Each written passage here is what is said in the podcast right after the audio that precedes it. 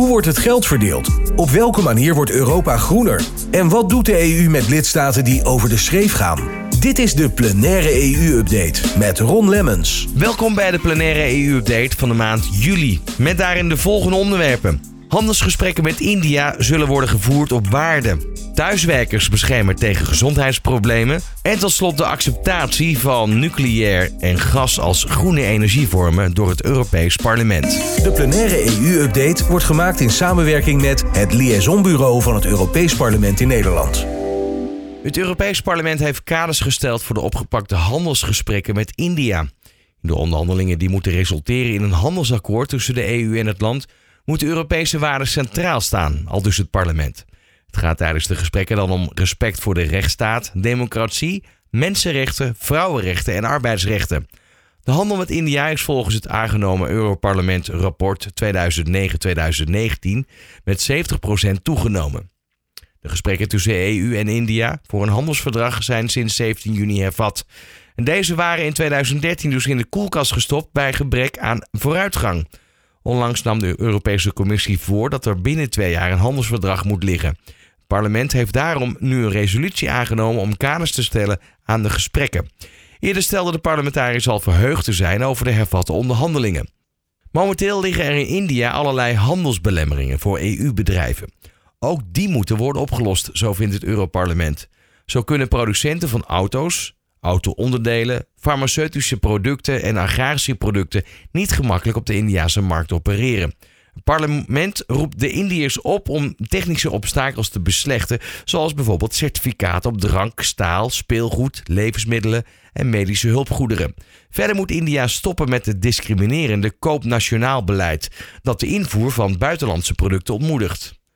Los van dat het Europarlement nog meer eisen op tafel heeft gelegd, waaronder makkelijkere toegang voor kleine en middelgrote EU-ondernemingen, het beschermen van intellectuele eigendomsrechten en het verankeren en handhaven van groene doelstellingen, moet het land ook kleur bekennen in Oekraïne.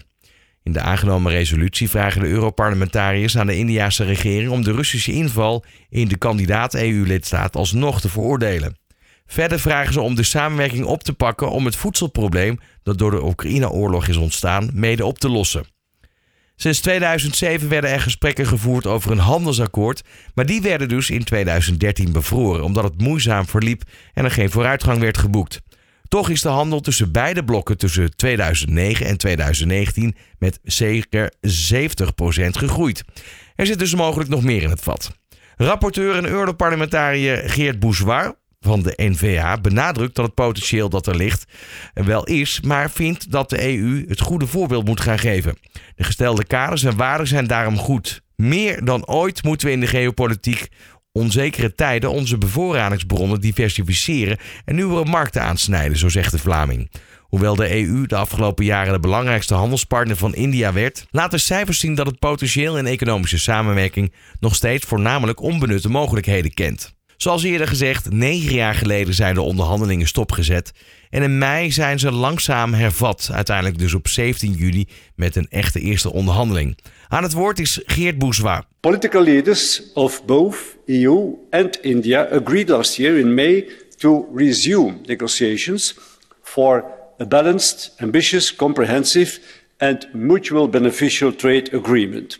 A separate negotiation on a standalone investment protection agreement and another agreement on geographical, geographical indications. This report confirms this approach. An agreement with India will be favourable for economic reasons. The untapped potential is huge. With its 1.3 billion inhabitants, India is the largest democracy of the world and a solid alternative for an EU that wants to diversify its supply chains. Although in recent years the EU has become India's leading trade partner, figures show that the potential in economic cooperation with India remains mainly untapped. India is one out of the EU's four strategic partners within the European Indo-Pacific strategy. Therefore, the agreement is also of geopolitical importance. Dear colleagues, in this own initiative report, the European Parliament gives its full support to the negotiations based on the current mandate. MEPs also firmly welcome the establishment of a Trade and Technology Council with India that should be launched by the end of this year under the Czech presidency. We have listed the following positive priorities. A comprehensive free trade agreement with a dedicated chapter on SMEs, on digital trade and raw materials, and an ambitious and enforceable TSD chapter aligned with the Paris Agreement. We encourage the negotiators to touch upon the long-standing market access irritants, both across governance levels and sectors. The comprehensive elimination of tariffs and quotas on a reciprocal basis, while paying attention to sensitive products and ensuring that reductions will not be compensated by an increase in domestic taxes and levies. A standalone investment protection agreement with a dedicated EU-India investment court system with a view to the founding of a multilateral investment court. A robust chapter on public procurement applicable at all levels of governance and the prohibition of certain discriminatory binational practices. An agreement on the establishment of a bilateral ex ante and ex post consultation platform between the EU and India designed to facilitate discussions or consultations in advance of any new measure that could negatively affect trade or investment. Finally, we propose, following the good experience we have in the FTA with Vietnam, the establishment of a parliamentary joint committee to allow parliamentary oversight. Colleagues, I conclude. Without any doubt, challenging negotiations wait. However, not only the EU, also India and the world have changed. In all contacts with our Indian partners, we have clearly understood the political will to succeed. I hope that negotiations can succeed and that this Parliament will be able to give its consent in the current mandate. We therefore need to grab this opportunity to strengthen EU-India ties with both hands. Finally, I would like to thank my INTA colleagues for the good cooperation and I hope for the approval of my report with a broad majority tomorrow. Thank you. Dit is de plenaire EU-update op Nieuw Business Radio. Alle burgers in de Europese Unie moeten voortaan beschermd worden tegen de negatieve mentale gevolgen van online thuiswerken. Dat heeft de meerderheid van het Europarlement besloten. De parlementariërs zien de voordelen van thuiswerken in, maar waarschuwen voor de psychische risico's en het in gevaar komen van een privézone van mensen. Om burgers te beschermen moeten er maatregelen komen tegen technostress en overdreven veel online zijn. In Nederland is er momenteel geen recht om offline te zijn, dus dat zou moeten veranderen. Het Europees Parlement sprak dinsdag over de voor- en nadelen van online thuiswerken. Dat is sinds het uitbreken van de coronapandemie overal in de EU doorgebroken. In een aangenomen resolutie onderschrijven de parlementariërs de voordelen van thuiswerken, zoals meer flexibiliteit en zelfstandigheid.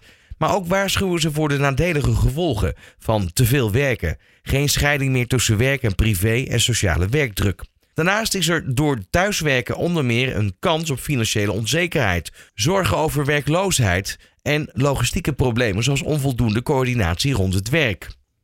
Daarnaast zijn de Europarlementariërs bezorgd over de technologie in de software die op ons afkomt. Hierbij wordt gedoeld op artificial intelligence, zoals dus het digitaal volgen van werknemers op afstand, het in de gaten houden van hun prestaties en het bijhouden van de gewerkte tijden. Dit kan mentale gezondheidsklachten met zich meebrengen, maar het kan er ook voor zorgen dat privacy van arbeiders onder druk komt te staan. En mensen die niet mee willen doen aan alle voorwaarden die werkgevers stellen, kunnen onder die sociale druk komen te staan en zelfs dus in een isolement op het werk raken. Om alle problemen te ondervangen stelt het Europees Parlement voor dat er een Europese zorgstrategie en een EU-strategie voor mentale gezondheid komt. Ook moeten de lidstaten met nationale actieplannen komen.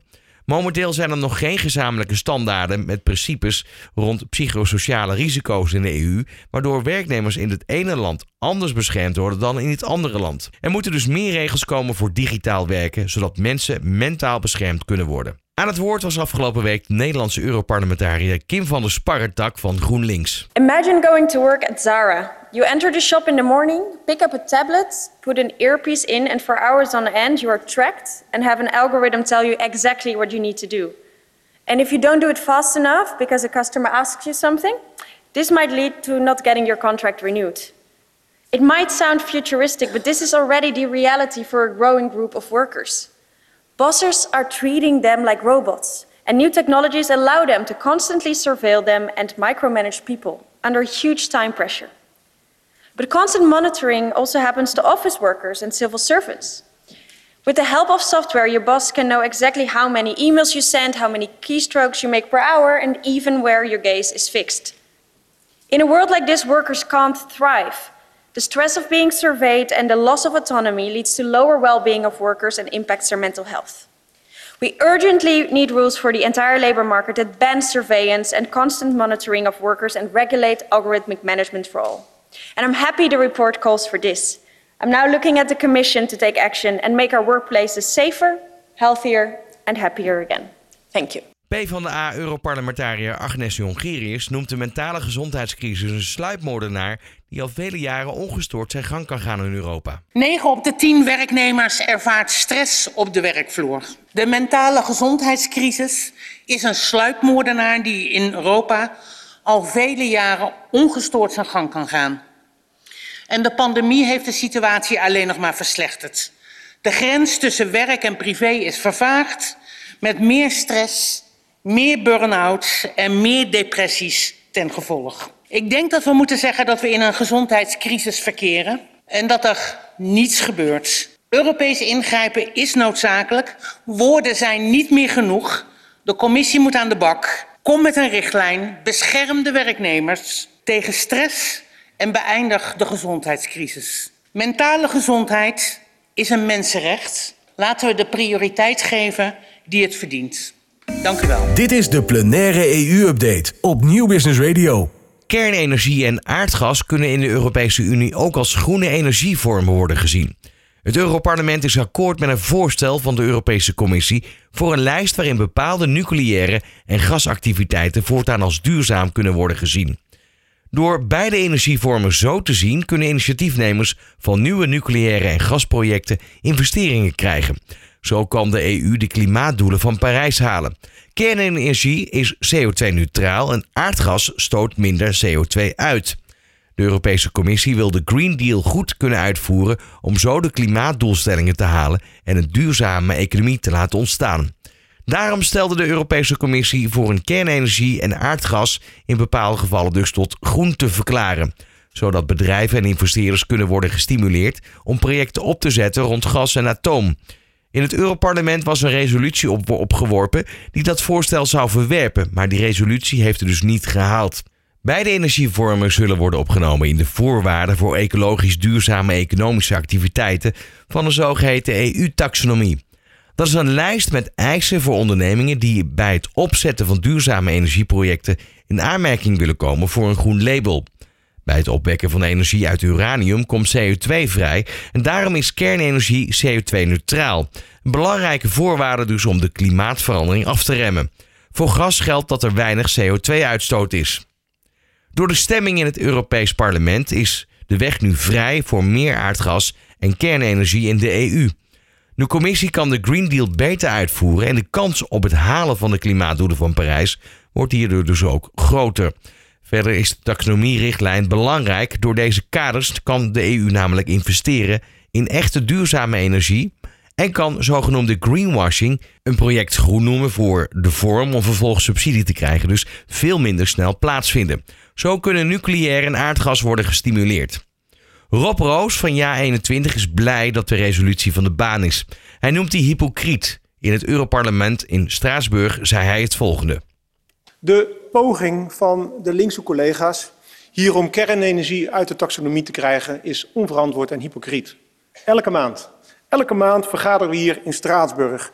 En altijd zijn de notoire tegenstanders van kernenergie gewoon hier in Frankrijk aanwezig. Kennelijk voelt iedereen zich veilig genoeg om hier naartoe te komen. Dit land dat al 40 jaar veilig op kernenergie draait. Ook de stroom in dit parlement, ook de stroom waarmee jullie hier je mobieltjes opladen. Het eigen onderzoekscentrum van de EU zegt dat kernenergie niet schadelijker is dan renewables. Daarbij produceren kerncentrales continu energie. Het is dus beter dan zon en wind. Ook het IPCC, het IPCC en het Internationaal Energieagentschap zeggen dat we kernenergie nodig hebben. Links gaat selectief om met de wetenschap. Ook dat is onverantwoord en hypocriet.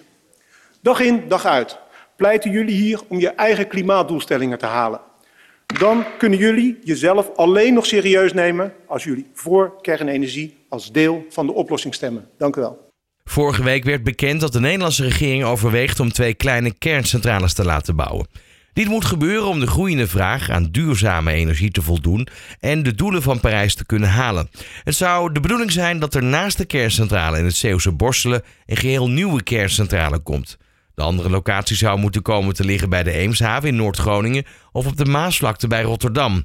De Nederlandse regering neemt na de zomer een besluit over de exacte locaties. En tot zover deze plenaire EU-update van de maand juli. Tot de volgende maand. Wat gebeurt er in Europa en hoe spelen de Europarlementariërs die ons vertegenwoordigen daarop in? Maandelijks blikken we terug op de plenaire vergaderingen van het Europees Parlement. De plenaire EU-update hoor je op Nieuw Business Radio. De plenaire EU-update wordt mede mogelijk gemaakt door het Liaisonbureau van het Europees Parlement in Nederland.